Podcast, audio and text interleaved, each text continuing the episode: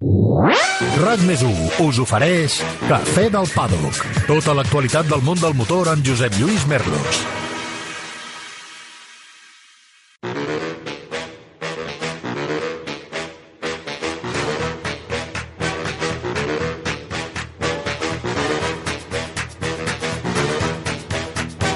Bé, que som una primera potència, eh? Que aquí els campionats del món els guanyem a parells, eh? I, i no un no, eh, 29 els que té el Toni Bou. I no un no la Laia Sanz, 14. Ha estat un cap de setmana brillant, brillantíssim pel motociclisme català, amb un nou títol mundial, com dèiem, del pilot de Montesa a Honda, amb un altre per la Laia, que tornava a competir en el món del trial 8 anys després d'haver-ho fet per última vegada. I per si amb això no n'hi havia prou, vam tenir MotoGP, Gran Premi de San Marino al circuit de Misano, Superbikes al circuit de Barcelona-Catalunya i quina cursa a la IndyCar al circuit de Laguna Seca. Va ser un espectacle per part de l'Àlex Palou, que aquest diumenge pot guanyar el títol de la IndyCar, però també per part de Cotton Herta, l'home que va guanyar, i sobretot de Roman Grosjean, que va remuntar 10 posicions a un circuit com Laguna Seca. Va, de tot això i de molt més en parlarem en aquest Cafè del Paddock d'avui. Quim Salvador, com estàs? Doncs uh, bé, amb ganes de donar gas. La veritat és que ha estat un cap de setmana... eh, Hem tingut feina, eh? Els que ens agraden les motos ha, ha estat una mica, una mica intens, eh? La gent deia, no hi ha curses, perquè no hi ha Fórmula 1. Caram, doncs no hem parat, eh? Però ens agrada, ens agrada. I tant, i que no falti. Pere Flores, estimat, com vas? Perfecte, content de barrejar motos amics i, i estona de ràdio, però, evidentment. Escolta, parlava ara de Laguna Seca. Tu i jo hem passat allà oh, grans oh. jornades en aquell circuit, eh? un, un dels que sempre ens va agradar més en el seu moment Sí, quan sí, seguíem el Mundial.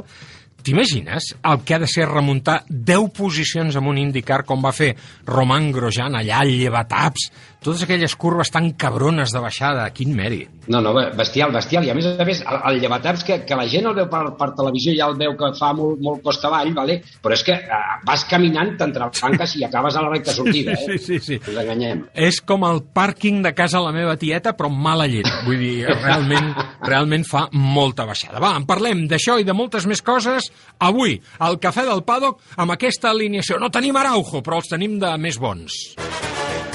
Avui, al Cafè del Paddock amb... Quim Salvador, Rubí. Pere Flores, Sant Fruitós del Bages. Carlos Sainz, Madrid. I, com sempre, Carla Gil a la gestió tècnica. ¡Trata de arrancarlo! ¡Trata de arrancarlo, Carlos! ¡Trata de arrancarlo! ¡Trata de arrancarlo, por Dios! RAC Més? 1. Et vols vendre el cotxe? Busca, compara i, si algú te'n paga més, vine a Ocasión Plus. Millorem qualsevol taxació al millor preu garantit, pagament al cap de 30 minuts. Ocasión Plus, dues botigues a Terrassa, un altre a Mataró i també a ocasionplus.com. Obrim els dissabtes matí i tarda. Has pensat mai com sona la tranquil·litat? La tranquil·litat de saber que tindràs el teu Ford Puma híbrid amb etiqueta Eco aquest mateix mes, sense esperes, entrega immediata. El sub de moda t'està esperant a la xarxa Ford de Catalunya. Emporta-te'l ja. Però afanya't, només en queden 50 unitats. Descobreix la gamma més electrificada del mercat. La nova mobilitat és cosa de Ford. Em vull vendre el cotxe, vendre el cotxe. A vender mi cotxe et comprem el cotxe. Però com? On i quan? No tinc temps. Fàcil i molt de pressa. No cal ni demanar cita. Vine amb el teu cotxe, accepta la millor oferta i abans de 30 minuts tu i els teus diners espereu de tornada a casa. Vinga, venta el cotxe a vender mi cotxe. Som a Barcelona, al carrer Rocafort 78, Cornellà de Llobregat i a Sabadell.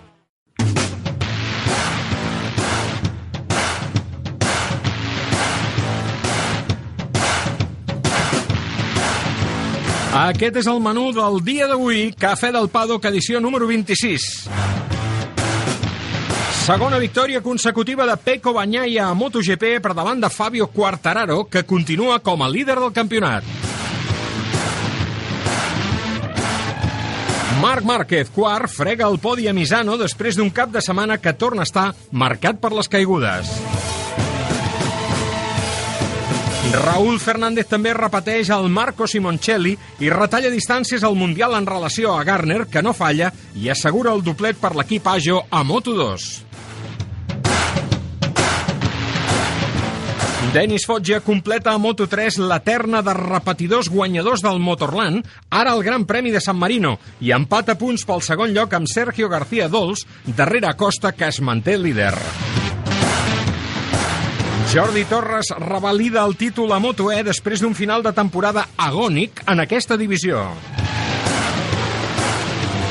Rasgatoglio i Rey separats per només un punt a la classificació després del cap de setmana de Superbikes al circuit, amb tres guanyadors diferents a la categoria reina. Carlos Sainz fa balanç de la seva primera temporada amb Ferrari quan encara la part final del calendari d'aquest any. Àlex Palou eixampla el lideratge de la IndyCar després de fer segona a Laguna Seca. El títol es decidirà aquest cap de setmana a Long Beach, on el català no ha corregut mai. A l'última cursa del Mundial de Trial, Toni Bou es proclama campió per quinzena vegada i Laia Sanz repeteix per catorzena vuit anys després d'haver deixat aquesta modalitat. L'endemà, al mateix escenari portuguès, l'equip de la Federació Espanyola guanya el Trial de les Nacions, tant en categoria masculina com en femenina.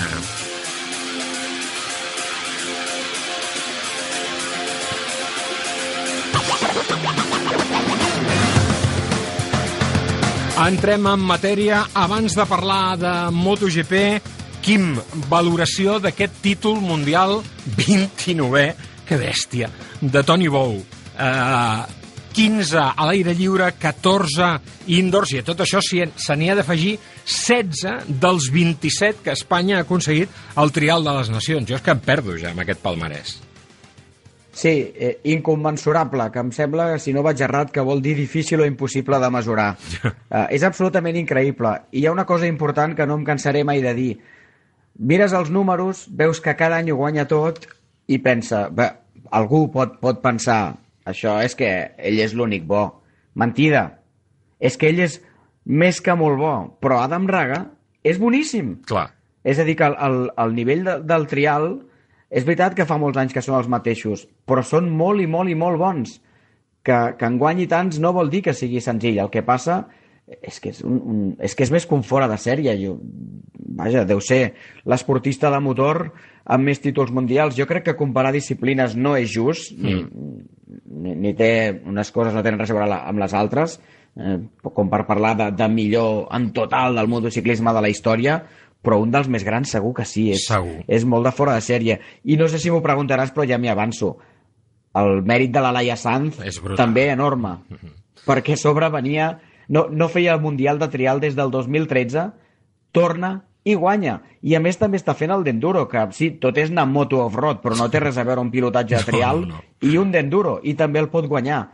Jo crec que dir que ens traiem el barret encara queda curt amb, amb les gestes dels trialers de, de Catalunya. I tant. Pere, tu els coneixes molt bé, aquesta gent, perquè doncs, també hem coincidit i, de fet, tu continues treballant i fins fa molt poc amb l'àmbit del Campionat Mundial de Trial Indoor.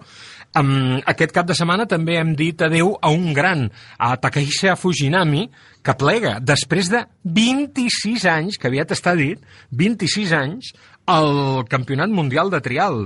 Plega, diu que ho deixa. És, jo no m'ho acabo de un, creure, eh? És un paio ex excepcional, és, brutal. combustible. Mm. A més a més, tu recordes, i jo recordo també temps en el qual eh, Takaija Fujinami i dos o tres joves més, l'Ogawa i un altre, mm. anaven amb el pare d'un d'ells en furgoneta, que els amb les bicicletes. Que els hi cardava uns vols d'hòsties de por. I anaven, i anaven als indoors, uh -huh. als indoors, quan, -huh. quan tu i jo dèiem allò a micro en mà de Bolotarrés, eh? doncs, doncs venia el pare amb tots els japonesets amb la furgoneta, els baixaven allà perquè n'aprenguessin. Sí, I des d'aleshores està... és, és, és bestial. A més a més, és bestial la seva professionalitat, és bestial el que transmet i és, i és bestial com s'ha adaptat a, a casa nostra. Eh? És un dels pocs japonesos que he vist parlar en català i parlar-lo amb correcció sobre fer broma. No, no solament això, sinó que quan renega, quan les coses no li surten bé en una zona, renega en català, eh? la qual cosa... És cert, és cert. Perquè, clar, aquella definició de català és aquell qui viu i treballa a Catalunya. Això, això ha quedat uh, obsolet. Uh, català és aquell qui renega en català quan Exacte. fa un fiasco en una zona.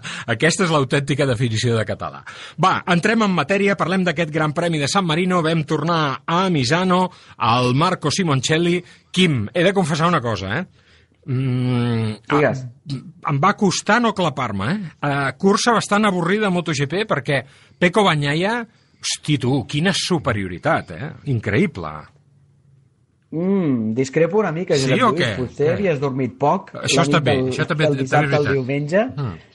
Perquè a mi em va... Quan semblava que tot era molt avorrit, Mm. A la part final sí, d'acord, d'acord, d'acord. En els temps per volta de Quartararo Mm. i en quantes dècimes li anava traient, Mm. i home, no tant al final, van ser ben bé 10 voltes de Sí, remuntada sí, sí. emocionantíssima, perquè ves, ja es veia venir per la progressió que l'atraparia, però l'atraparia molt justet, a, la, a la penúltima o l'última volta. Al final va ser a l'última i tant va ser així que una remuntada que era absolutament descomunal va quedar incompleta, perquè Quartararo no, no va poder arribar a atacar Banyaia. No és de mèrit del francès, és que Banyaia ho va fer molt bé.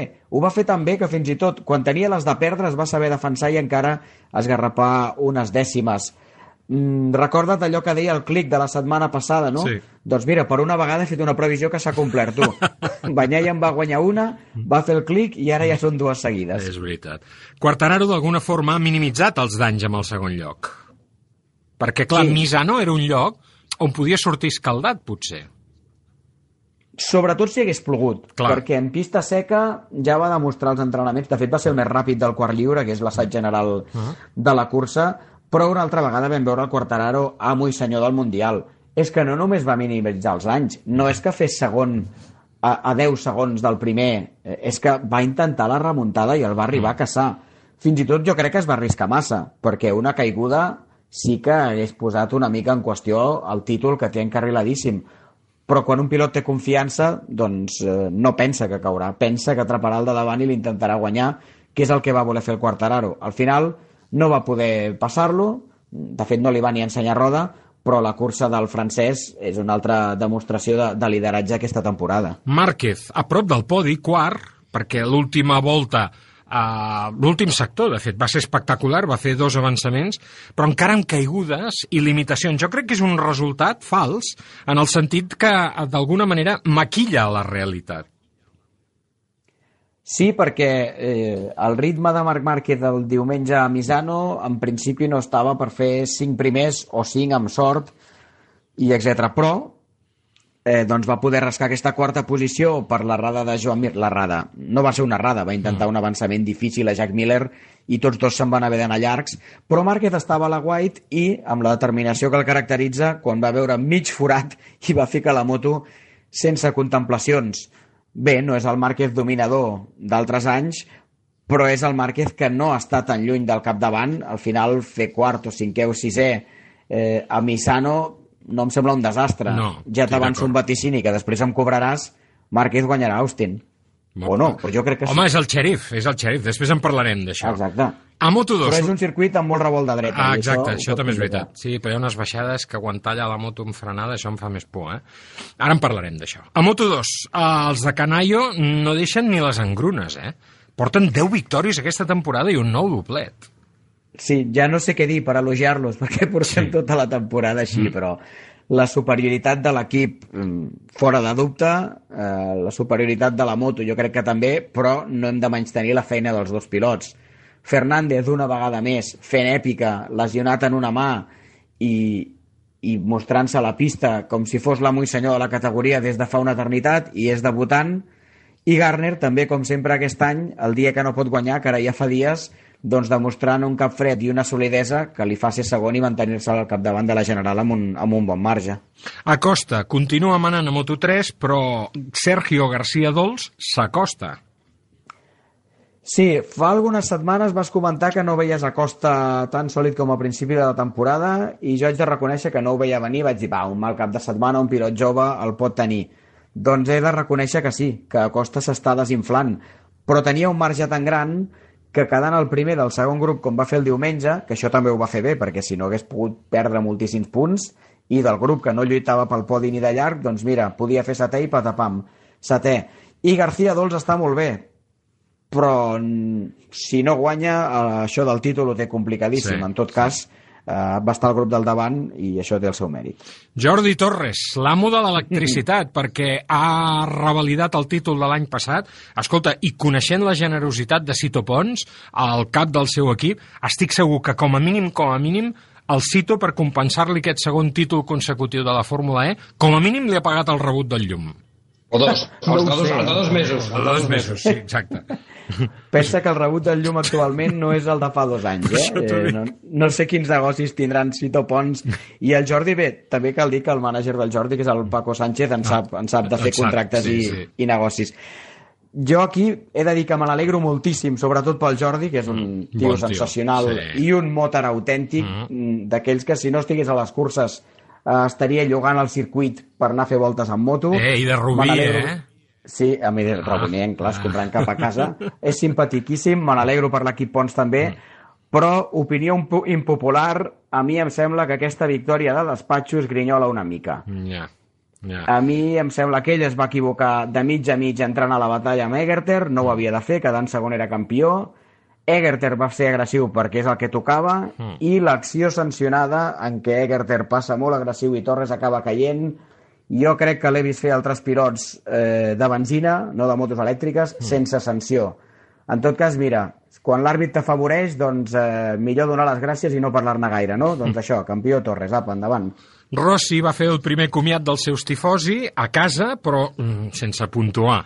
És el que dèiem, eh? la cançó de l'enfadós. Ara, jo t'he de dir que veure allà Rossi amb aquell casc en homenatge a la seva futura filla, veure els tifosi, doncs jo em vaig tornar a emocionar, què vols que t'hi digui? Eh, és Que bonica la volta d'honor, eh? Eh De que Valentino sí? Rossi, Sí, les home. tribunes grogues, els pots de fum, tothom saludant...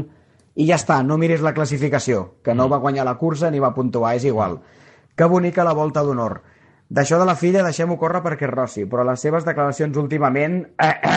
senyor Ja. Rossi, que estem al Ja. segle XXI. Sí, tens raó, tens raó, estic d'acord, estic d'acord. No, no són gaire modernes, realment. Va, anem a repassar no. la classificació del Campionat Mundial de MotoGP abans d'entrar en detall amb tot el que va passar a la categoria reina.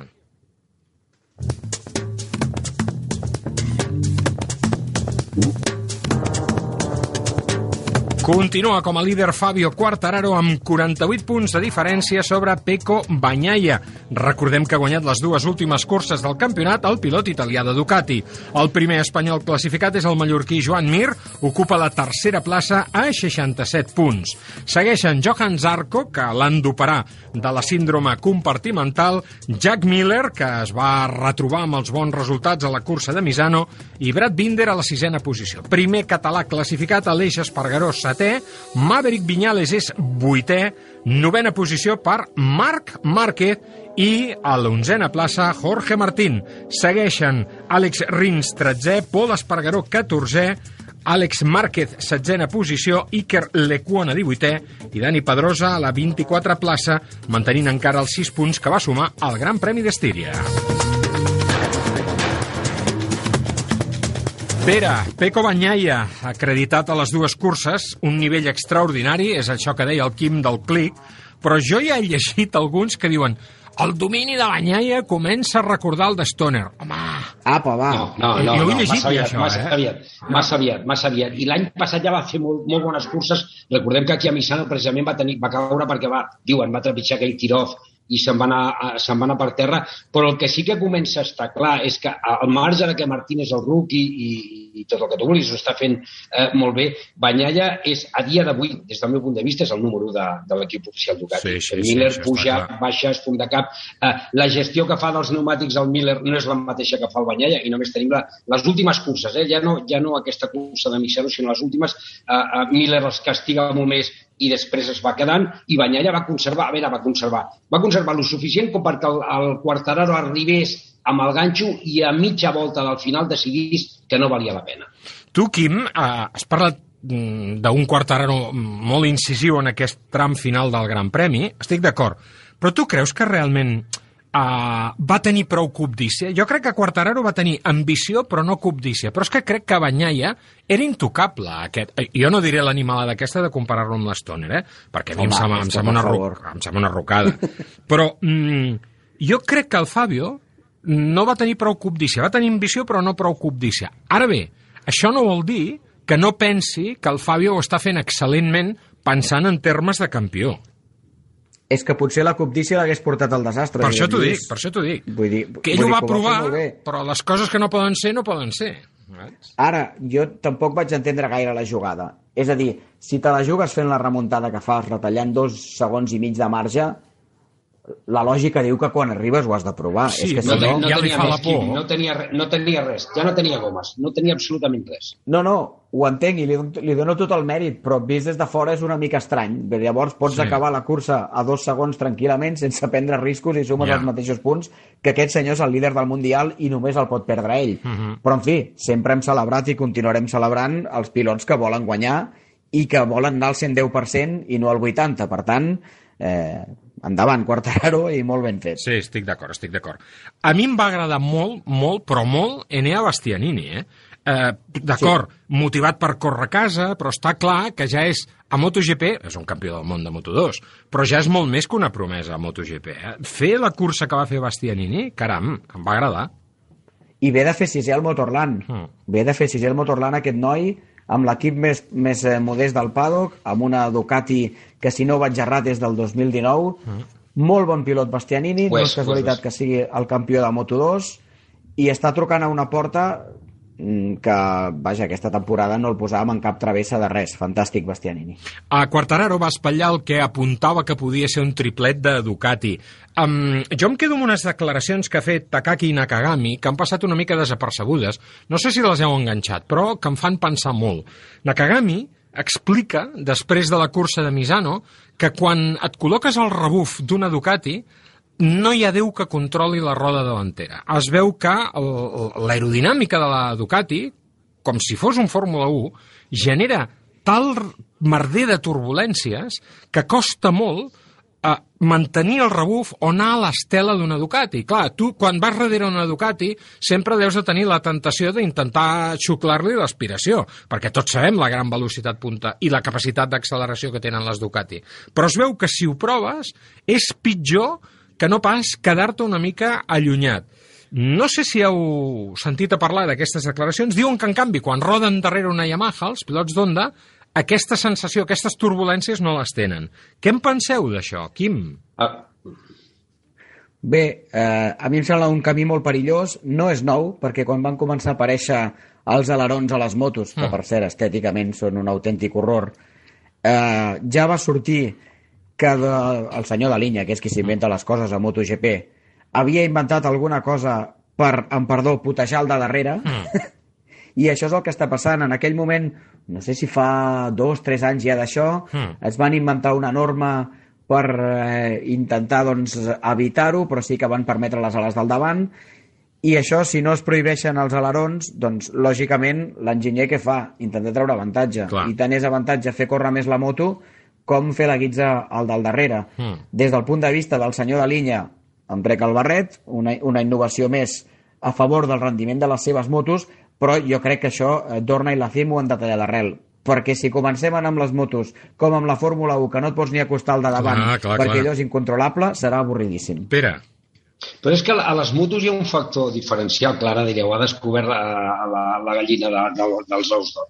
Clar, hi, hi ha un factor equilibri, és a dir, a les motos, eh, tractar l'aerodinàmica per perjudicar el de darrere i negar-li l'aspiració és possible fins a cert límit, perquè llavors, a la que comences a putejar molt al de darrere, el que estàs fent és que en peces fixes, en peces que no vibren, Mm. amb les afegitors del carenat, t'estàs putejant tu mateix. És a dir, estàs putejant l'estabilitat de la moto, cosa que no, fa, no passa a la Fórmula 1. I aquest és el factor diferencial. És a dir, per això el marge que té Ducati per putejar els altres, que segur que el Balinya l'està l'està aprofitant, i ja sabem que Ducati, des del punt de vista aerodinàmic, doncs sempre ha estat eh, 3 anys per davant de, de la resta, té un cert marge. Però sí que estic d'acord amb el Quim, és o tots o ningú, és a dir, o ho tallem de, del tot o obrim més la màniga.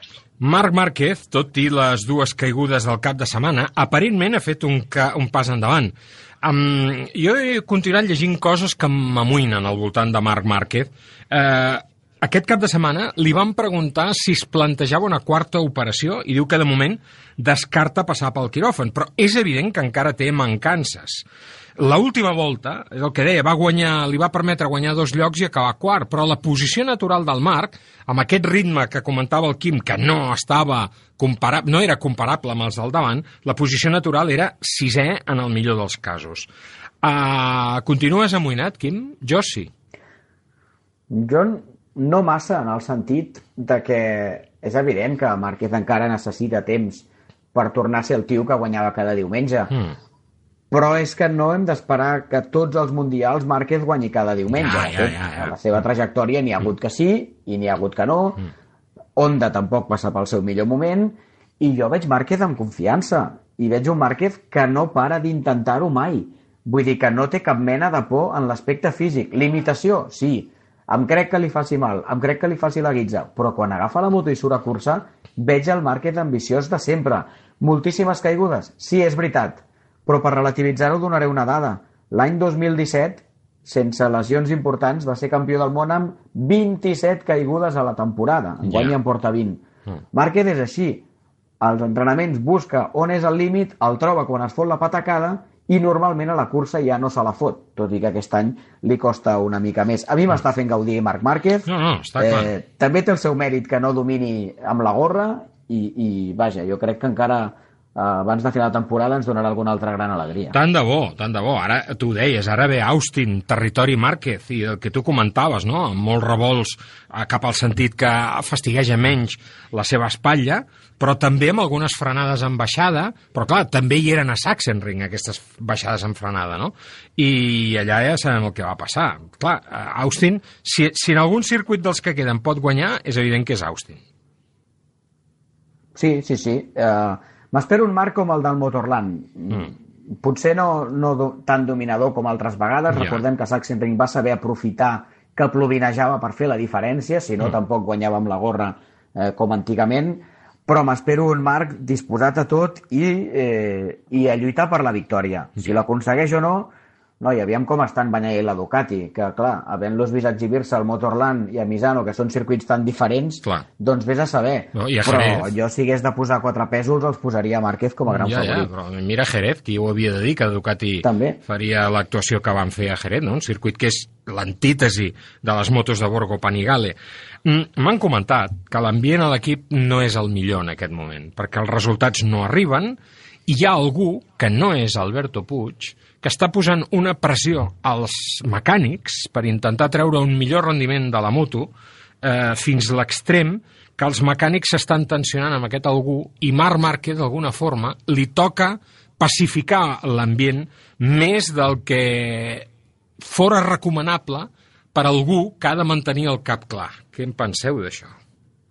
A veure, que, que la onda aquest any i ja la temporada passada, i segurament fa tres és un ferro, és a dir, quan dic és un ferro, a veure, eh, a veure si se m'entén, és a dir, comparada amb, amb les altres motos, en diferents sectors, eh, des de la part de vista eh, ciclista, des, de, des del punt de vista motor.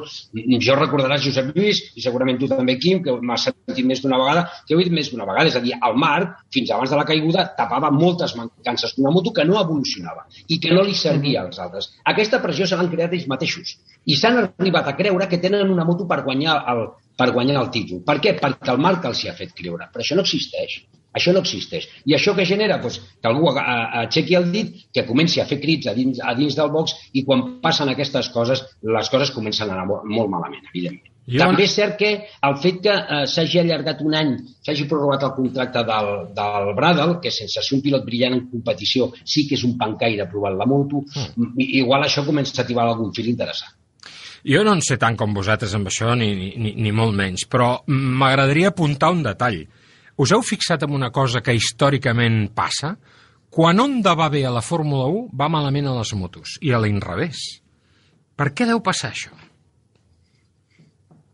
És tu saps el curiós. doble que nosaltres, no sé, tu mateix, tu mateix, això és cosa teva, eh? no. Segurament és coincident. Ja saps que això de les estadístiques Sí. acaba no servint per gaire res, eh? de tota manera. Sí, sí, però bueno, mira, jo no ho sé, De fet, però, el cas però... de les motos és una mica circumstancial, perquè Sí. si Márquez no s'hagués fotut de cap l'any passat a Jerez, eh, potser continuaria salvant mancances i a base de posar els colzes a l'asfalt podria anar líder destacat. No ho sabrem mai, però aquí hi ha un factor físic del pilot número un indiscutible que em sembla que no té massa a veure amb com vagin les coses a la fàbrica. No ho sé. Aleshores, amb No serà aquesta... per mitjans, eh? No serà per falta de mitjans, Sí, eh? però amb aquesta afirmació mm, m'esteu dient que Pol Espargaró se li està posant cara de Dani Pedrosa o de Jorge Lorenzo?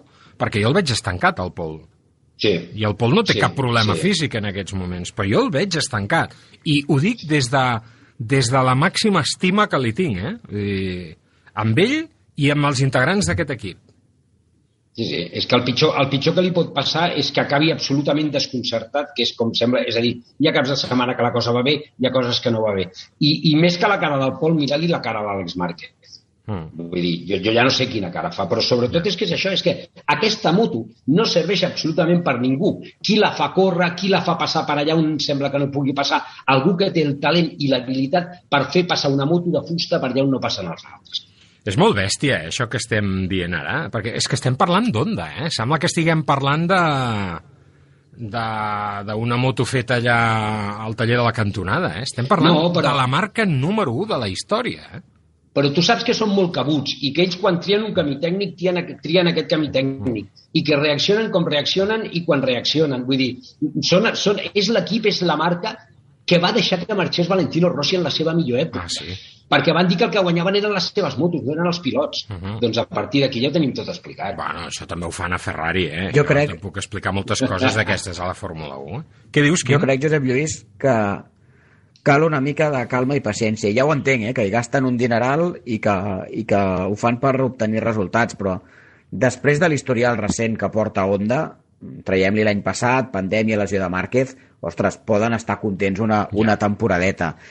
I és veritat que el Pol no està fent una bona temporada. De fet, eh, si a Pol Espargaró se li posés cara de Dani Pedrosa, eh, doncs home, el Dani fins i tot de l'últim any ens queda amb el regust perquè no va fer podis, mm. però solia estar cinquè, sisè, més o Sí, menys, cosa sí. que després ni Jorge Lorenzo ni Àlex Márquez, tot i que va rascar dos podis, eh, ni Pol Espargaró estan aconseguint.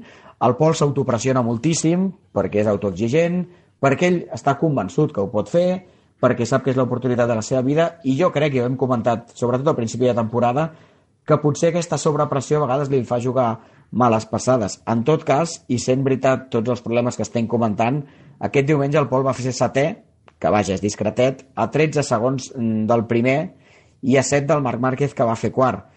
Com diria aquell, el loro que no estamos tan mal, no? Ja, ja.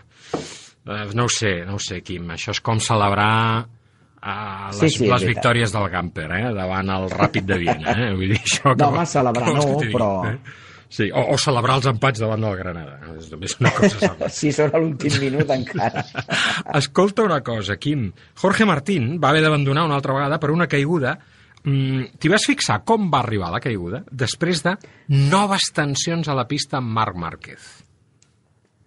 Sí, però és que és que s'estaven disputant la posició. Ja, però és que... Jo, vaja, no vaig veure cap cap maniobra que em cridés No, no, no, no, absolut, per, absolut. per agosarada. Però és que cada vegada estem veient més eh, frecs a frecs Martín Márquez i no sé si això és bo, saps? No sé si és bo. Sobretot per, Per Jorge Martín, Martín. segur. Sí, Clar, clar, clar. Per- Per això t'ho dic, em Vull- crida, em crida una mica l'atenció. Les Aprilia. Les Aprilia pateixen a Misano. Aleix vuitè, Maverick, que divendres va ser el més ràpid dels lliures. Hi va haver-hi algú que em va dir, espera't, espera't. Uh, tretzè, fa una sortida tan dolenta el Maverick com quan era Yamaha, eh? Això ho hem de millorar, això, eh? Bé, el Maverick eh, de moment ho, ho justifica tot amb l'adaptació a la moto. Li compro, li dono marge, però és evident que amb les sortides ell té un problema, a part de, de la moto que tingui a les mans. Jo no vaig entendre per què les Aprilia patien a Misano, un circuit que no té rectes gaire llargues. Vas veure com es movia la, la moto de l'Aleix de davant. Semblava el llit de la nena a l'exorcista, eh? Dir, Li i- vaig preguntar a l'Aleix jo i em va molt. contestar, Mm. sincerament, tampoc t'ho sé dir, però resulta que la nostra moto aquí no és gens estable No. i no para de, de tremolar, que és exactament el que acabes de, de Hi ha comentar. curves molt ràpides, eh? hi ha curves molt ràpides a Misano. Eh? Sí, Tampoc però- és que es moguin gaire bé en aquest terreny. Uh, Pere, Doncs, Dovizioso s'estrena com a cinquè company de Rossi a l'equip Petronas aquesta temporada amb l'última posició a la cursa. Morbidelli, 18è al debut amb la Yamaha oficial a més de 30 segons de Quartararo. Eh, si Márquez sembla ser l'únic que fa capaç de fer funcionar la Honda, i jo diria que el Quartararo sembla l'únic capaç de fer funcionar les Yamaha, perquè, clar, Sí. a, a, als resultats em remeto. En aquest cas, en aquest cas a veure, uh, Morbidelli entra a 36 segons concretament i el Dobby va palmar 42. Jo del Dobby no diria grans coses en aquest cas, aquest cap de setmana, li donaria un cap de setmana de peixet perquè realment no havia fet pràcticament res amb aquesta moto. Mm. Eh, S'havia pujat a la Prília durant la- durant l'any 3-4 vegades i va dir que si realment no la veia per guanyar, jo crec que aquí va fallar una mica la precisió, eh, que, no, que no firmaria amb Aprilia, això els hi va dir als mecànics de, de l'equip de test seu, i és això, els 42 segons de, de Dobby són una palmada molt important, però és un circuit com Misano, que no és fàcil, no és fàcil, tot i que és un circuit de, ràpid, perquè que sigui un circuit ràpid no vol dir que sigui ràpid, no havia pujat a la moto Morbidelli, jo no sé fins a quin punt el Morbidelli està físicament ja del tot, del, del tot recuperat. però A mi em que està que clar aquest és genoll no es recuperarà mai més. Bueno, el que, el que està clar és que, que sí que els resultats manen i que, i que l'únic que fa anar a dia d'avui a dia d'avui la, la Yamaha és Quartararo, totalment d'acord. Rins, Quim, torna a caure quan semblava que havia recuperat la línia d'encerts, no? I semblava que havíem aixecat el cap i, mira, Sí, la veritat és que l'Àlex, eh, a veure si salva l'any, no sé si amb una victòria o amb un altre podi, i que vingui el 22, perquè, perquè no és el seu any. Per cert, ara que comentàveu els problemes de Yamaha, i jo hi afegiria eh, Suzuki, que no han guanyat una cursa en tot l'any, ho veus, com a Honda no estan tan malament. ja. Mira, és, un, és una manera de veure-ho. Repassem la classificació dels campionats en les altres categories. I comencem per Moto3. Pedro Acosta té ni més ni menys que 210 punts, 42 sobre Denis Foggia i Sergio García Dols. Els dos pilots ara van empatats a la segona posició. Cinquè lloc per Jaume Macià, desena posició per Ethan Guevara, catorzena per Jeremy Alcoba, primer català de la categoria, 15è Gabri Rodrigo, que no va poder córrer finalment a Misano per una fractura lúmer, veurem si arriba a temps per la cursa d'Austin, Xavi Artigas 20è, Carles Tatay 22è i Adrián Fernández Pitito 24è. Pel que fa referència a Moto2, la classificació del campionat ens continua situant a Remy Garner a la primera posició, 271 punts, 34 sobre Raúl Fernández, que porta dues victòries consecutives. Aaron Canet, que ho va fer molt bé a Misano, és cinquè, Augusto Fernández, sisè, Xavi Vierge, primer català a la classificació desè, Jorge Navarro, 11è, Albert Arenas, 18è, Ra Marcos Ramírez, 19è, Fermín Aldeguer, 23è, i Héctor Garzó a la 25a posició. Kim Fenati va marcar un ritme ferotge des de la pole position, però va caure, encara no entenc per què, a 10 voltes del final, quan era líder, amb 3 segons de marge sobre el segon classificat. Ostres, va fer un bautista. Fenati va fer de Fenati, no? Sí, va fer de Va fer Fenati, també, sí, sí, sí. Un, una exhibició de talent i velocitat i, a veure, que no sé com va ser la caiguda i que li pot passar a tothom, eh? Però, és clar quan tens un historial darrere, doncs sembla que hi hagi coses que confirmen les teories. Ja. I és que molt gas, molta capacitat per anar amb moto, però eh, allò de la gestió i del control mental de la situació, doncs potser no tant. Ja. Foggia, segona victòria consecutiva, quarta de l'any, cinquena del palmarès. Ja ha empatat a punts amb Garcia Dols, que amb la quarta posició refà de la caiguda del Canyís. Uh, la veritat és que el pilot de Leopard va encapçalar un podi totalment italià, festival italià a Misano. Recordem que Foggia també havia guanyat a Mugello, o que quan corre a casa doncs es motiva. Cursa molt ràpida gràcies al ritme de Fenati al començament. Com te'n Foggia, eh? Com te'n Foggia. Uh, està lluny, 42 punts, però estem parlant d'un Mundial de dos, i si és de tres, i no, i no ho tenim clar, això. Jo encara penso que és d'un, que és el senyor Pedro, el senyor, el nen Pedro Acosta, mm. però Denis Foggia està fent una grandíssima temporada, quatre victòries, és veritat dues a Itàlia, però dues eh, fora d'Itàlia, i ho està fent també, i és una opció tan sòlida que Leo l'han renovat, i això que han tingut uns saraus amb la família, concretament amb el Sí, pare senyor, Foggia, sí, que li van arribar a prohibir Sí, entrar al box, Ja. que o creus molt en el potencial del pilot, o quan passen aquestes coses, mira, noi, uh, bon vent i barca nova, i que cadascú s'espavili... Va passar una cosa similar fa anys amb la família de Raúl Fernández a Sí, l'Espar.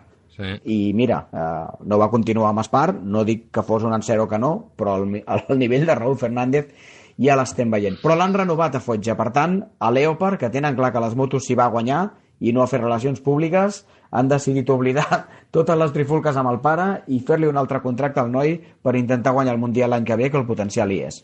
Pedro Acosta, heu vist, no? Suposo la foto que ha circulat per les xarxes de, de la bota. Uh, sembla que es va... Foradat, perquè ell, ell va dir a l'acabar la cursa no ho vam veure, això de la bota. Sí que va dir que havia tingut molts problemes de frens, eh, semblava que s'estava dedicant a conservar, però l'última volta va ser explosiva. Abans parlava de Marc Márquez, que va guanyar dues posicions, la Costa també. A l'última volta va guanyar dos llocs, però a Austin encara no tindria opcions matemàtiques de ser campió encara, eh? Encara no. Pere, No, eh, és a dir, eh, jo crec que aquests problemes amb, amb els frens de, de la KTM sí que, el van, sí que van ser importants perquè no pogués anar-se'n amb, el, amb el grup de davant i que els 42 punts que té de marge, molt malament. Sí que és cert que el que ens ha demostrat en la segona meitat de temporada és que això de gestionar curses en grup i estratègies li costa una mica, és a dir, que el seu és donar gas pista neta, anar passant gent, anar passant gent, i que quan pot eh, marcar el seu ritme la cosa és molt, molt diferent. Jo crec que sense aquest problema de la frenada segurament hauria aconseguit un millor resultat i que 42 punts respecte, sent a més a més dèiem, Fotja està ara a la, a la lluita pel títol des del punt de vista matemàtic, sí, però és que ara Fotja i García Dols es resten entre ells també. Compte. És a dir, com més siguin al ball, Clar. Més possibilitats hi ha que el, el nòvio oficial es quedi amb la noia. Clar. Quim, Moto Jo 2... crec que- Ah, Moto 3, Espera, perdona, espera. anaves a dir una cosa. Sí, sí, disculpa. sí, jo crec que a Costa aquest cap de setmana li va passar molt la caiguda de, del Motorland. Mm. Perquè amb el sí, marge sí, que sí. té, mira, una errada se la podia permetre, però tenia molt clar que una altra no. I al ball de bastons a l'inici de cursa al grup capdavanter, amb Sergio García com a principal repartidor, que no ho trobo malament perquè ell ha de ser ultraagressiu per mirar de capgirar aquest Mundial, jo crec que a Costa se li va encendre alguna llumeta al cap que va dir ui, ui, ui, no la tornem aliant en per terra, avui sumem punts i ja està. Bueno, doncs això també diu molt a favor d'ell, no? Perquè els títols també es guanyen així, eh? Es guanyen Exacte. així. Moto 2, nova demostració de Raúl Fernández, ho dèiem, que encara no està recuperat del tot de la lesió de la mà. És una lesió d'aquelles emprenyadores que, que s'allarga i s'allarga. I èxit brutal de l'equip Ajo, comentàvem abans, desena victòria de temporada, eh, combinada amb el segon lloc de Garner, que no falla, i camina cap al títol amb pas ferm, eh? Aquest nano no s'atabala ni un bri. Garner no s'atabala, però és que Fernández està a un nivell estratosfèric i mm, Garner ho té controlat, però és dels tres campionats el que té menys diferència. Eh? Si no vaig errat, ara mateix estic mirant, diria que són 34 punts, Sí, sí, sí. que això, si, si Raúl Fernández no es cansa de guanyar, mm, mm. encara encara arribaran... No, n'hi ha 100 en joc, Igual- encara. igualadets. Clar, clar, hi ha 100 punts en joc.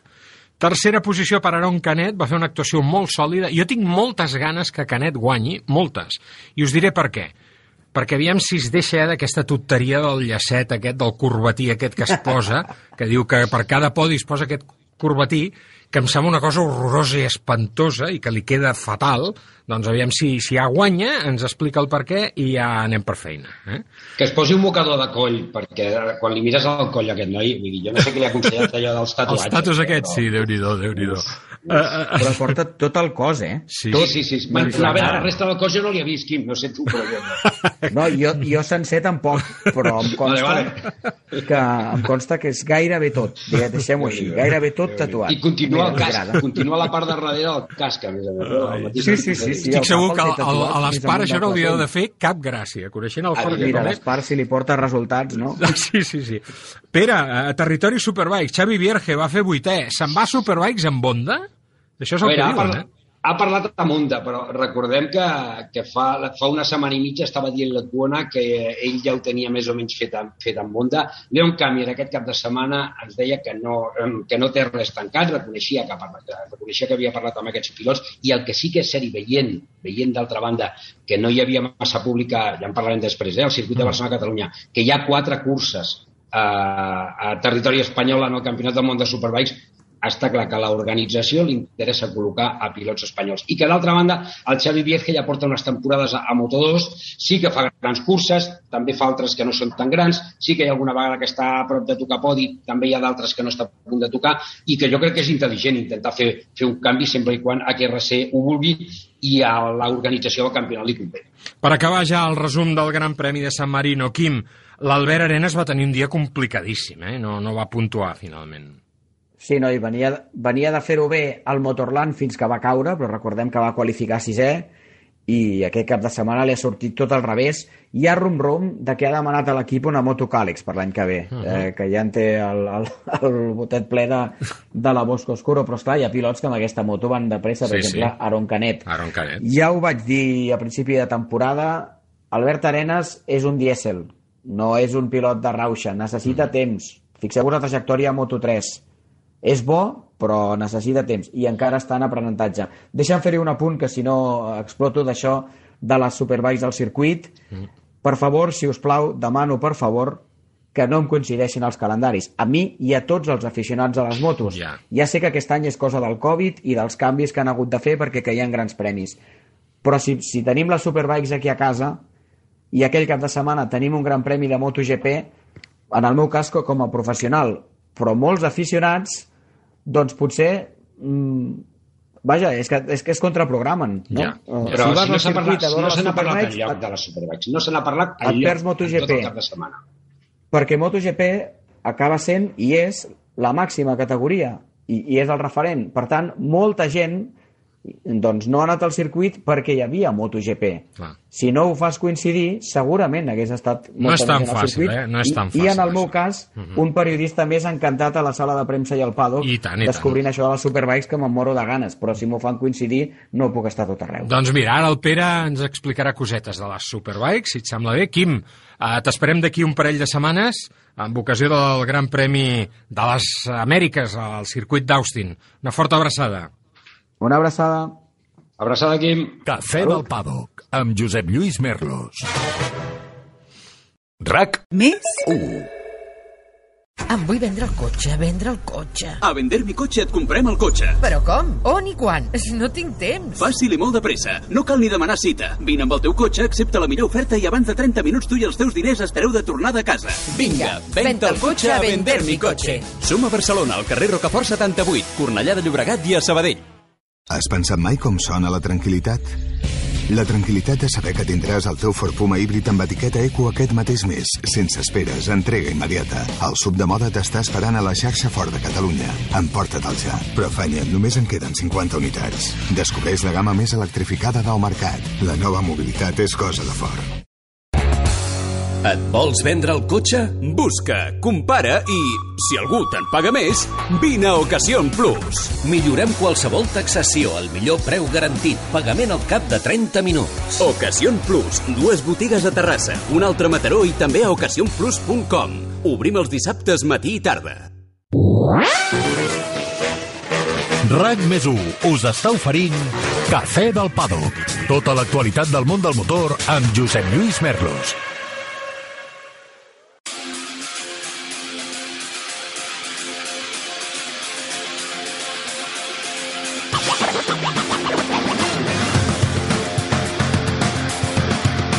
Deixem encara les motos, ho hem comentat, aparquem ara MotoGP, parlem, però, de Superbikes. Abans ho teníem molt fàcil, dèiem, del Mundial de dos temps passem al de quatre temps, però ara els quatre temps ja ja estan a tot arreu, i si dic això m'acusaran de boomer i amb tota, amb tota la raó del món. Eh, eh, Pere, tu deies, no se n'ha parlat en lloc de Superbikes. Home, no, aquí sí, cony, al Cafè del Paddock n'hem Però parlat. dic, dic dels de la pilota, dels que són pilota-pilota Ah, només, va, ostres, sí. no, eh? Bueno, jo és que ja he perdut l'esperança amb aquest tema. Um, ara, uh, a mi m'emprenya que la gent no vagi al circuit, perquè després plorarem. Vull dir, jo ho he dit moltes vegades, eh? Vull dir, amb algunes curses, de dir, hosti, eh, tots volem que el circuit es mantingui durant molts anys i que organitzin moltes coses i si perdéssim MotoGP o perdéssim la Fórmula 1 eh, ens emprenyaríem molt, però home, és que nosaltres també hem de donar suport eh? i hem d'anar-hi, eh? Hem d'anar-hi. I una cursa del Mundial de Superbikes, d'acord, dissabte el dia no era gaire maco, però diumenge va fer un dia esplèndid i les entrades valien molt poquet, eh? era, era realment eh, ganes de no sortir de casa. Eh? Jo crec que no, ho sento molt, però l'afició no té excusa aquesta vegada. Ho sento. Dir, No, no, està jo, clar. jo crec que s'hi havia d'anar. Sí, sí, des del circuit es van fer mans i mànigues, I tant. se'n van fer promocions, però clar, arriba un moment que si has d'invertir en promocionar una cosa al doble del que, del que trauràs, la, les coses són complicades i llavors sí que és cert, això, de, això dels mitjans sí que és cert que se n'ha parlat eh, poquíssim, que és una categoria que s'ignora i que segurament a la que, a la que tinguem un ullet que vagi endavant i que escolta que ens Ah, l'estimem sí. molt i sigui molt popular, llavors tothom coneixerà la, tothom, Sí, tothom sí. coneixerà les Superbikes Mm. i això tu i jo, que ja tenim uns anys, ho hem viscut amb la Fórmula 1, ho hem viscut amb, amb la categoria d'aleshores 500, ho hem viscut, però, però sí que és cert això que deies, eh? que, que tenim una instal·lació espectacular, Mm. una instal·lació que d'altra banda des d'alguns costats ja, ja la comencen a discutir, bueno, la comencen, ja fa dies que la discuteixen i que, i que si l'anem deixant caure, doncs eh, malament. I malament. tant, i tant. Escolta, uh, coses importants, abans que res. Com està la noia que feia de comissari, uh, comissària al Revolt 2 i que van atropellar dissabte? Què en sabem? Com es troba? Està, hos- està hospitalitzada, es diu Cristina Cazorla, Mm. eh, i bueno, va, va caure al Marc Alcova, eh, de, quan van sortir a, a treure la moto va caure de seguida una altra pilota, no, no recordo el nom, té diferents fractures en, en una cama, però pel que sembla la qüestió és aquesta, tan senzilla i tan complicada com és alhora, eh? vull dir, es redueix aquestes fractures i, a, i a, està hospitalitzada encara i en definitiva a que, els, a que l'os torni a consolidar-se, però sembla que no són fractures allò que dirien les, les, les àvies lletges, eh? Ja, doncs una forta abraçada per la Cristina, els nostres millors desitjos de recuperació el més ràpidament possible i aprofitem la vinentesa per agrair per enèsima vegada el treball, eh, l'esforç, l'abnegació, la dedicació, la il·lusió, l'amor per aquest esport, per aquest i el de les quatre rodes, que fan eh, totes aquelles persones que un cap de setmana sí i un altre també actuen com a comissaris, no únicament, i comissàries, no únicament al circuit de Barcelona-Catalunya, sinó a tots els circuits de, de casa, trials, motocross, eh, totes les proves. Eh, mai tindrem prou agraïment per aquest col·lectiu per la feina que fan. Pere, com es troba el Tom Sykes després de l'accident de diumenge amb Luca Amaies? Um, encara està a l'ho- a l'Hospital General de Catalunya, no? Encara està a l'Hospital General de Catalunya. Eh, des de l'equip el que diuen és que el podria deixar aquesta setmana. Va tenir una, for un- una forta trompada al cap. No es va acabar de veure i no ho han especificat si és ben bé eh, la moto de Maies, com, com van en definitiva. El que és- cert és que el Tom cau primer i, i el Maia se'l se troba. El, el cop és al cap, era un, tra un traumatisme cranioencefàlic. Eh, sembla que va estar a punt de perdre el coneixement al principi, per això al principi els hi va costar estabilitzar-lo a, a la pista, però va marxar del circuit, és a dir, quan el pugen a l'ambulància ja el pugen conscient. Està bornit però conscient i, i sortirà aquesta setmana, el que està clar és que sembla clar que no, no, no podrà pujar-se la moto, evidentment, a, a, A Jerez. Jerez. i que no, jo no sé ben bé què farà, però, però igual recuperen el Lagerty, que està aturat perquè l'RC Esquadra Corse no tenien, no tenien calerons, ja ho veurem. Suposo. Allà, a mesura que vagin passant la, els dies aquestes setmanes se sabran coses, el que sí que està clar és que, que el Sykes està estable i és un tema de deixar passar dies. Um, I quina transcendència va tenir el cop uh, que va rebre el Canell al Lous? Uh, anirà a Jerez o no? Perquè hi ha un Doncs comunicat, hi ha un comunicat de Sí. l'equip que apunta que sí, no? que la intenció és anar-hi. És que, mira, ara fa una estona pa- parlàvem precisament del, del Raúl Fernández i dels matatarsians. Doncs això és si fa o no fa, perquè es va trencar un matatarsià de la mà dreta Mm. uh, i en principi baixarà a provar. Baixarà a provar. Aquí hi ha dues coses. Quan un pilot baixa a provar, primer s'ha de provar, però també l'han de veure els metges, però tal com hem vist en altres casos, i a, la qüestió del, del Raúl Fernández em permeto, uh, una fractura de matatarsià tractada al llarg d'una setmana i és possible que els metges li donguin l'apte i la cosa quedarà més en, en, en les seves mans. Ja tenia les mans castigades perquè en un dels entrenaments sí. lliures va, va tenir un, un incident amb el, amb el Cresson que anava fent de xicant mòbil al llarg de tot el cap de setmana i li va tocar la mà i, i tenia un taping, ja va començar les curses amb un taping, eh? però bueno, baixarà i provarà, ho té complicat, ho té complicat, està clar. Com va anar la Parade Lab, la, la volta per aficionats? En principi hi havia 800 places perquè dissabte al vespre, o a la tarda, millor dit, quan es va acabar l'activitat, després d'un dia passat per aigua, poguessin rodar per l'asfalt. Jo no ho vaig veure i no, no, no tinc constància de com va anar això. Va estar, va estar força bé. A veure, sí, que- sí que és important el, el que deies tu abans, que és una mica també el que jo crec que va fer que dissabte es tirés molta gent enrere el tema, o força gent enrere el tema, el tema de la pluja, però era una ocasió única, estava molt ben organitzada i, i en definitiva els aficionats eh, eh, tenien aquesta oportunitat. Jo, jo recordo diumenge eh, anant cap a, cap a fer les curses, cap a, cap a l'ocultar les curses, veies molts motards que anaven cap a vés a saber on, Ja. i deies, ostres, ahir tenia una oportunitat, I una tant. oportunitat bestial, perquè, perquè a més a més, jo crec que ens hem de treure el cap, el circuit no només s'ha d'anar a córrer, és a dir, a fer tandes i a córrer, i portes un pneumàtic que, que t'ha donat un amic que tens, que té un mecànic de superbikes que t'ha deixat i que va... No, home, no, també s'ha- es pot anar a fer dos o tres voltes. Era una bona ocasió tenint en compte, tenint en compte la, la situació de, del temps, el fet que va ploure, 800 participants, home, déu-n'hi-do. eh? I tant que sí. A Superbikes, tres curses i tres guanyadors diferents. Dissabte Reading, diumenge al matí Rey, diumenge a la tarda Michael Ruben Rinaldi. Van ser curses bastant distretes, eh, dintre de tot. Van, van estar bé. Sí, sobretot per les circumstàncies. Clar, fixa't, dissabte comença a ploure mitja hora abans que comenci eh, la cursa. Està clar que el fet que continués plovent va fer que, que ningú eh, pogués tenir una opció de pneumàtic diferent, era de bojos, eh, jugar-se-la amb alguna cosa diferent. Eh, I després, a més a més, va venir el cop de, de, de sal de pebre de, del problema electrònic que va tenir el, el El Toprak, el Rascatioglu, el Bassani ho va fer de nassos en, en aigua, el Redding va tenir... És, és que els pilots de Ducati, sobretot, es queixaven, no, Redding més que, que, que Rinaldi, de falta de grip, i a partir d'aquí, quan plou el Redding diu, ara puc, Clar. ara puc i s'hi tira. I d'altra banda, el Rinaldi va acabar en Pipadot, la cursa de en Pipadot. En Pipadot no, però sí dient, ostres, jo és que em sé que aquí sí que tenia un, un, un gran ritme i, i, i va ser això que el, el, el que el va portar al podi, pensant que després, el diumenge, podria fer eh, podia fer eh, un, un nou podi. Aquí el que ho va tenir realment malament va ser el Gerloff, que la, imagina't, eh, a la volta de formació, Sí. sortint de boxes, se'n va fondre el cap. I a més a més és que dissabte les Yamaha anaven de blanc, perquè celebraven els 60, 60 anys. anys, sí senyor. Sí senyor. Clar, Rasgatioglu retirat, Gerlov no va ni començar i Nozane va tenir un toc també. Ja només faltava que algú quedés embarassat.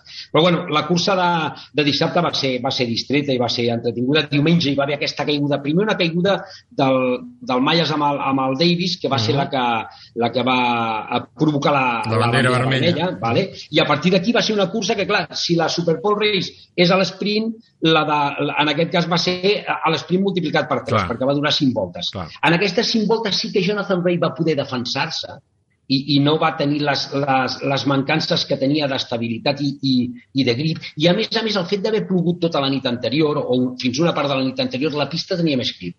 La pista estava molt més neta. És a dir, no és allò de si està engomada o no. La pista estava neta i tenia, i tenia molt, més, molt més grip. El Toprak aquí va estar on, on havia d'estar i, evidentment, el Bautista eh, li va, treure, li va treure partit a la moto després de no anar gens bé. Jo crec que va ser el pilot perquè deia al part tancat, diu, no, no, si és que pràcticament no hem tocat res a la moto i de cop i volta la moto s'agafa a l'asfalt i tinc grip. No tenia, es queixava molt d'això divendres i, i dissabte al matí i escolta, va fer el canvi de, jo no sé si el canvi de xip o el canvi de què, perquè després a la cursa 2 va estar lluitant pel podi també. Eh? Ja, i a més a més ha fet el millor cap de setmana, jo crec, en temps, Sí, sí. justament aquí, amb la combinació de resultats. Un Bautista, que ja ho hem explicat aquest programa, tornarà a Ducati l'any 2022. A Supersport, a Egerter, que no hi era, que estava a Misano corrent la Moto E, com hem parlat abans, continua dominant la classificació, tot i la seva absència, però hi ha un nano que està causant sensació, que el vam veure córrer l'altre dia al Motorland al Gran Premi de l'Aragó, i és eh, el madrileny Manuel González, Manu Gas, que va fer segon i primer i ja és tercer del campionat, eh? Sí, sí, lluny, és, és, és, lluny de Gerter, però és tercer, eh, aquest nano. Sí, sí, però és que queden encara, queden encara quatre curses que, que déu nhi si, són, si són curses, recordem que hi ha 50 punts en joc. Queden 200 punts i està en 99. Evidentment que està lluny, un pèl lluny, però aquest nano ha fet un pas, un pas endavant bestial. Correrà dos grans premis més de Moto2 com a wildcard amb la MB Augusta, al Manu, i molta por em fa que aquest eh, l'acabaran passant d'un campionat a l'altre de cara a la, a, la, a la pròxima temporada. I dir de l'Odendal que no va aprofitar la circumstància que, que no hi hagués l'Egerter. Clar, l'Odendal ten, eh, estava a 60 i escaig, començava a 60 escaig punts de l'Egerter, va acabar a 45, és, va fer un vuitè i un setè. Jo no sé fins a quin punt en el rendiment de, de l'Odendal va afectar la mort la setmana anterior del Jorge Lis, expilot. Ostres, és veritat. El seu manager, el Jorge, va morir, va morir de, de Covid fa uns 10 Un bon 12 dies. tio, eh? Un bon tio. Sí, Jorge. sí, sí, sí, un bon paio. Jo no sé, no sé fins a quin punt això el va afectar, però el que està clar és que va desaprofitar aquesta, aquesta oportunitat. A 300 victòries molt ajustades, tant dissabte com diumenge, de Buis i de Sofoglu, però la gran sensació és Adrián Huertas, que eh, en aquest cas va combinar un setè i un quart lloc i doncs està sent això, eh, l'alegria de la Huertas, de la categoria, no? Ho està fent molt i molt bé. Anna Carrasco va caure dissabte i diumenge no va puntuar després de salvar una altra caiguda a la primera volta, temporada complicadíssima per la, per la Nita, eh? Sí, sí, és que, però a més a més és que això de Supersport 300 és super divertit, però pels pilots Molt. és super arriscat. 44 pilots. Això és Amb això ja t'ho complicat. 44 pilots amb motos, que tenen un, que tenen un potencial un potencial molt, molt semblant. I clar, ara vas primer i acabes en, en setè. L'Adrián eh, va fer una gran operació, que a més a més pensa que la, potser no va acabar d'arriscar a la cursa 2. El Boz Deimos, que és el seu principal Mhm. rival pel, pel títol, va caure a la 1 i ja no va poder, no va poder córrer a la 2. I, home, fet i fet, l'Adrián ha sortit de, de Barcelona a Catalunya amb 43 punts que, més que, que el Bozeimos. Queden ara mateix eh, 100 en joc, per tant, compte que si Boteimos no pogués anar a Jerez, el Huertas ja podria ser campió Clar. en allà. I, i d'altra banda, el, el, que és de destacar és el, els joves que hi ha, a part del Huertas, eh, tot el planter que hi ha, el Ruiz, que, el, el que feia, de, de, feia wildcard, va acabar segon a la cursa 2. El Daniel Mugera, que és un nenet de 17 anys, mm. va fer un paperàs. Eh, va, va sorprendre també a la cursa 2 el Dean Berta Viñales, que ja ho havia fet eh, molt bé. Vas parlar a, a, molt bé d'ella al Motorland, eh? Vas parlar molt sí, bé. No, no, no, no, no, no, no, no, és que el, el, el Dean ho va fer molt, molt i molt bé a Manic Manicurs ho havia fet eh, eh, molt bé i aquí ho va tornar a fer bé. Vull dir, hi ha nanos joves que funcionen molt, molt bé. I el campionat viatja justament aquest cap de setmana fins a Jerez, on corren les tres categories, i ho veurem a Dazón, explicat per tu, evidentment. Doncs sí, eh, Jerez sempre és aquell lloc especial. Compte que és un circuit que té un 70% de recta eh, i és un circuit que afavorirà molt a unes motos i molt poc a unes altres, però en definitiva seran curses divertides, set curses al cap de setmana, vull dir, déu nhi La classificació del Campionat Mundial de Superbikes quan falta aquesta prova de Jerez aquest cap de setmana. Després a l'octubre tindrem a Portimao. Sembla ser que Argentina, que està confirmada a la cursa... Confirmada, de... conf confirmadíssima, segur, segur. De San Juan de Vilicum. I el campionat s'acabarà al novembre a Indonèsia, a Mandalika. Líder al certamen el turc Toprak Razgatoglio amb Yamaha amb 399 punts, un més que la Kawasaki de Jonathan Ray, que ocupa la segona posició. Scott Redding amb Ducati és el tercer classificat a 60 punts del pilot turc. Michael Ruben Rinaldi, quarta posició, Andrea Locatelli, qui per mi és el gran problema ara mateix de Garrett Geldodorf, ocupa la cinquena plaça. Álvaro Bautista, primer espanyol classificat, és a la desena posició, lluny, molt lluny, de Toprak, a 257 punts. Tito Rabat, que com sabeu ha abandonat el campionat, és setzè, i Isaac Viñales ocupa la 17a posició. Pere, moltíssimes gràcies per acompanyar-nos en aquest resum del Gran Premi de San Marino de MotoGP i la cursa de Catalunya del Campionat Mundial de Superbikes. Bona feina aquest cap de setmana amb la transmissió de Jerez Dazón i en el que resta d'aquesta temporada que tan bé ens ho estem passant escoltant les teves narracions. Una forta abraçada, Pere. Moltes gràcies, abraçada forta. Cafè del Paddock, amb Josep Lluís Merlos. RAC Més? 1. Et vols vendre el cotxe? Busca, compara i, si algú te'n paga més, vine a Ocasión Plus. Millorem qualsevol taxació al millor preu garantit, pagament al cap de 30 minuts. Ocasión Plus, dues botigues a Terrassa, un altre a Mataró i també a ocasionplus.com. Obrim els dissabtes matí i tarda. Em vull vendre el cotxe, vendre el cotxe. A vender mi cotxe et comprem el cotxe. Però com? On i quan? No tinc temps. Fàcil i molt de pressa. No cal ni demanar cita. Vine amb el teu cotxe, accepta la millor oferta i abans de 30 minuts tu i els teus diners estareu de tornada a casa. Vinga, venta el cotxe a vender mi cotxe. Som a Barcelona, al carrer Rocafort 78, Cornellà de Llobregat i a Sabadell. RAC més 1 us està oferint Cafè del Paddock. Tota l'actualitat del món del motor amb Josep Lluís Merlos.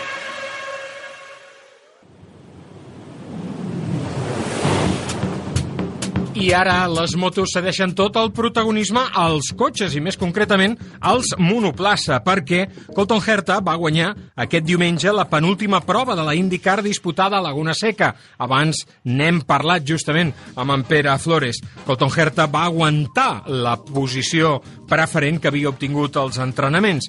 Àlex Palou li va plantar cara i va acabar segon, una nova exhibició del pilot català, aquesta vegada per davant de Roman Grosjean, que va fer una remuntada espectacular des de la tretzena posició de la graella. Va ser el pilot que va remuntar més places. Ara, Palou té 35 punts sobre Pato O'Ward, que va cinquè, i 48 sobre Joseph Newgarden, setè, quan queden en aquests moments 54 punts en joc. Scott Dixon, que va fer 13è, ja ha quedat descartat perquè no té opcions matemàtiques al títol. Marcus Ericsson també queda ja fora de qualsevol possibilitat i Newgarden ho té pràcticament impossible. La temporada s'acabarà aquest diumenge a Long Beach, on Palou no ha corregut mai, atenció, i els seus rivals sí. La decisió final serà un pols entre Palou i el mexicà, que és tot un especialista en circuits urbans. Molta sort a l'Àlex Palou, el pilot del RAC, i evidentment la setmana entrant en parlarem aquí, al nostre Cafè del Paddock. Tant de bo pugui ser el primer català capaç de guanyar una cursa un campionat, volem dir, perquè de cursa ja n'ha guanyat 3 aquesta temporada, de la IndyCar, l'equivalent americà, el que seria guanyar el títol mundial de Fórmula 1.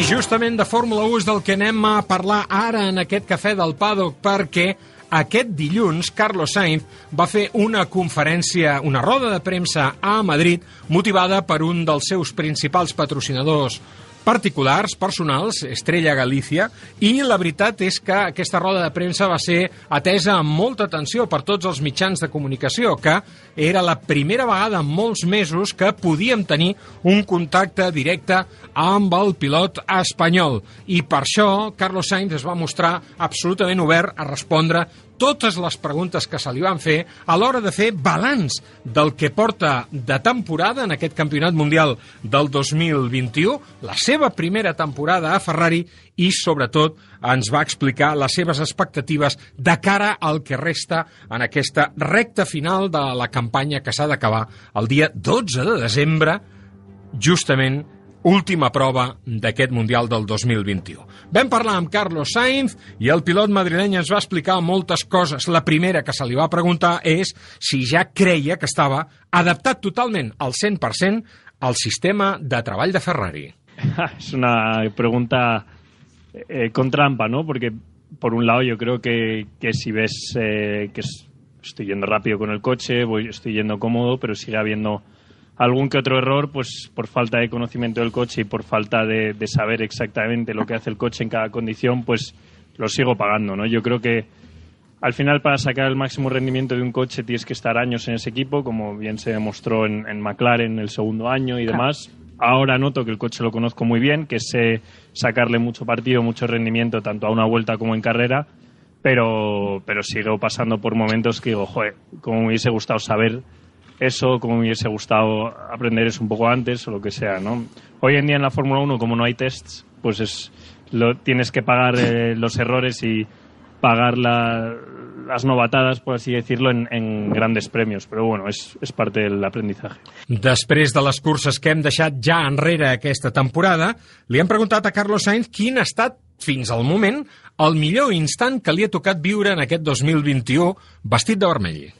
Es complicado elegir el mejor momento, ¿eh? porque ha habido muchos, pero también es verdad que el, los mejores momentos, como el podium de Mónaco, eh, me, no, estaba, no lo disfruté porque estaba cabreado todavía el día anterior. Entonces, eh, he hecho la vista atrás y estoy orgulloso ¿no? de, de, hacer mi primer podium en Ferrari en Mónaco quedando segundo, pero como se me escapó la pole el, el día anterior con todo lo que hubo, el accidente y demás, pues no conseguí disfrutar el el momento, pero yo creo que, que, lo mejor está por llegar y que, y que, estamos trabajando en, en que haya algún momento bueno aquí a final de temporada que, que nos dé una alegria de les bones. No hi ha cap dubte que a Ferrari treballen i en especial Carlos Sainz, però en quins aspectes?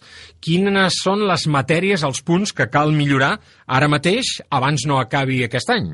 Bueno, primero de todo queda, queda bastante todavía. Quedan, hoy me han dicho que quedan ocho carreras y me ha parecido. Yo creía que ya estábamos casi a final de temporada y de repente te dicen que quedan ocho carreras.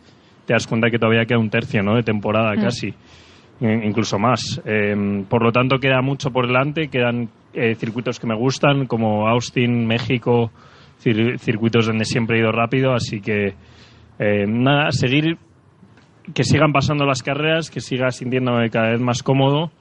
Eh, importante seguir eh, eh, aprendiendo cosas del coche, seguir encontrando un poco mi dirección también a la hora de ponerlo a punto y sentirme yo más cómodo.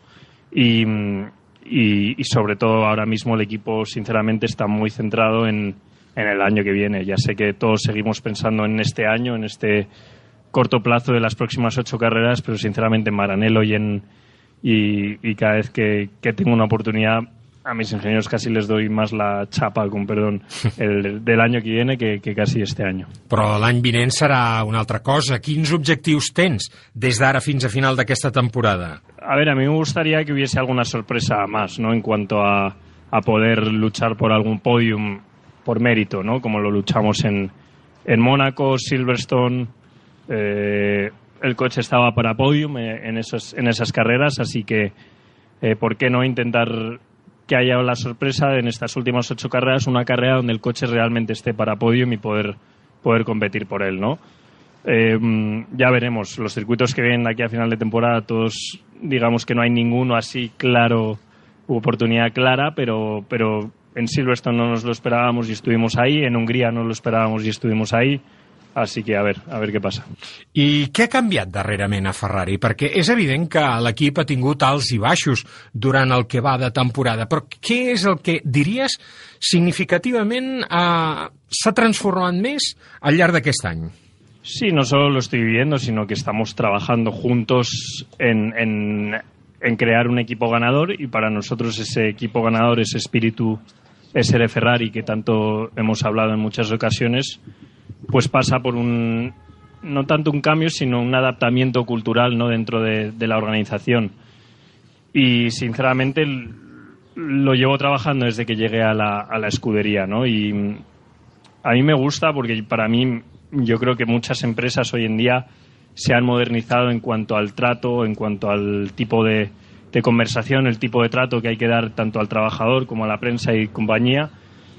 Y, y estamos trabajando duro en ello. Va a ser un proceso largo. No se puede cambiar un, un barco tan grande, ¿no? No se puede maniobrar un barco tan grande de un día para otro. Pero yo creo que poco a poco, si lo vais viendo y vais viendo sus frutos, yo creo que también es positivo porque quiere decir que, que se están haciendo las cosas bien. Aunque yo soy de los que piensa que esto va a llevar años, no, no va a ser de, de un mes para otro. Bé, però de moment, de cara al 2022, què penses? Com, com anirà? Com apunta la pròxima temporada? Bueno, yo creo que el, el año que viene va a ser un poco un reseteo ¿no? de, de- de la Fórmula 1 en general. Es un cambio de reglamentación tan grande, el más grande yo creo vivido en los últimos 15, 20 años, que, que va a ser un, un- un empezar de cero para todos. ¿no? Entonces yo lo que le pido tanto a Ferrari como a mí mismo es estar lo más preparados posible para ese, para ese cambio. ¿no? Eh, en ese sentido vamos a estar Llevamos trabajando desde enero en el coche del año que viene. Yo las sesiones que estoy haciendo de simulador pues prácticamente son 90% en el coche del año que viene, 10% en preparar los grandes premios de este año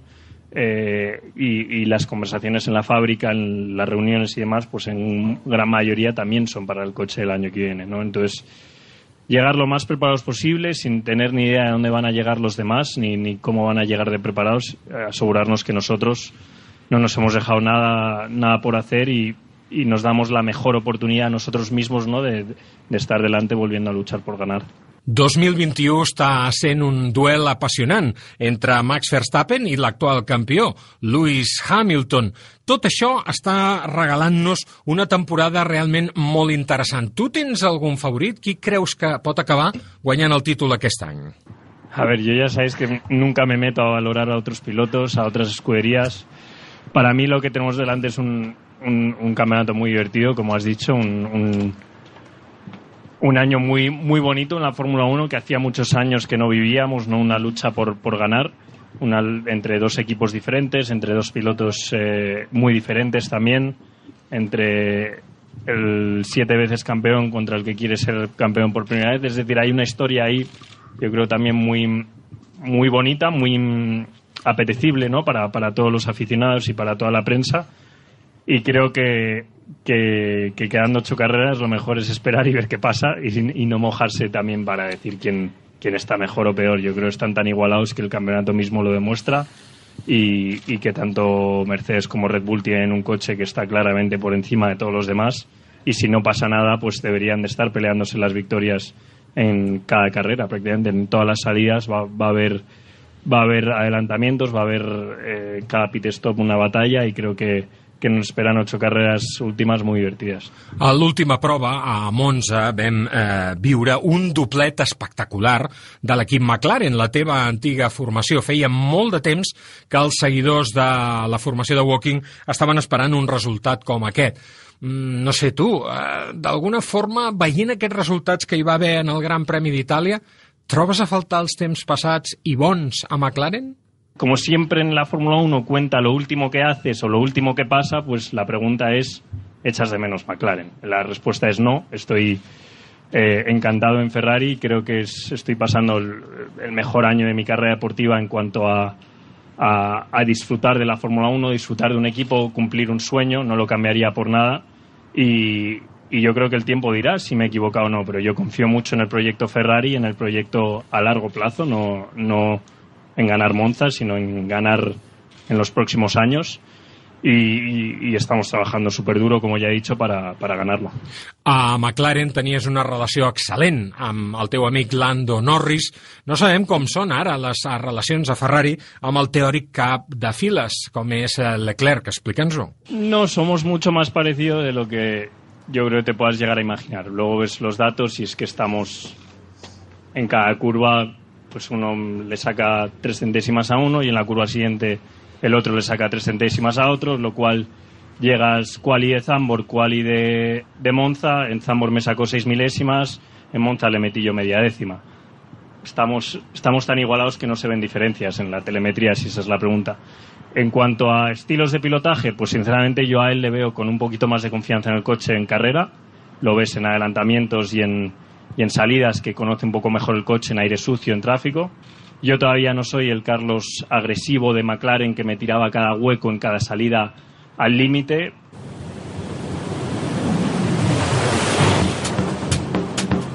I acabarem el podcast d'aquesta setmana parlant de les altres curses del cap de setmana. Ja anem, les hem comentat al començament d'aquesta edició número 26, però convé insistir que dissabte van fer a Portugal l'última prova del Campionat Mundial de Trial a l'aire lliure. Toni Bou va quedar per davant d'Adam Raga i de Busto tant a la cursa com en el campionat. I amb aquest resultat, el pilot de Montesa ja té 29 títols mundials, com us hem explicat. 15 d'ells a l'aire lliure, comptant el del el passat cap de setmana i la resta indoors. A les zones portugueses també hi va haver l'última cursa per les dones. Laia Sanz va superar amb contundència Berta Avellan i Emma Bristow i es va proclamar campiona per 14a vegada després de guanyar 3 de les 5 curses de la temporada. Un resultat molt meritori si tenim present que aquesta temporada, com hem comentat, la pilot de Corbera ha tornat a una especialitat que no practicava des de feia 8 anys. En aquest mateix escenari de Gouveia, l'endemà, l'equip masculí de la Federació Espanyola, format per Bou, Raga i Busto, es proclamava campió del Trial de les Nacions per 27a vegada, aquest cop per davant dels equips de França i Itàlia. L'equip femení també ocupava la primera posició a la seva divisió gràcies a Laia Sanz, Berta Avallan i Sandra Gómez, que van superar les formacions d'Anglaterra i Noruega. I no deixem encara el terròs. Nou pas endavant per Jeffrey Herlings al Campionat Mundial de Motocross després de guanyar les dues mànigues del Gran Premi d'Itàlia disputat a Sardenya, sempre davant de Jorge Prado i Roman Febre. El gallec ara és quart de la classificació general, a només 12 punts del primer. La setmana vinent hi haurà el motocross de les nacions a Màntova, a Itàlia, i el Mundial es reprendrà a començaments d'octubre a Alemanya, amb l'onzena cursa del Campionat Mundial. Nosaltres ho deixem aquí, tornarem la setmana entrant, evidentment parlarem de Fórmula 1, del Gran Premi de Rússia que s'ha de fer al circuit de Sochi, veurem què ens dona aquesta vegada aquest escenari tan espantós, ho analitzarem aquí al nostre Cafè del Paddock i evidentment parlarem també de la última cursa de la IndyCar. Molta sort a Àlex Palou i moltes gràcies a tots vosaltres per acompanyar-nos una setmana més al podcast dedicat al món de les dues i les quatre rodes. Adéu-siau! RAC més us ha ofert Cafè del Paddock. Tota l'actualitat del món del motor amb Josep Lluís Merlos.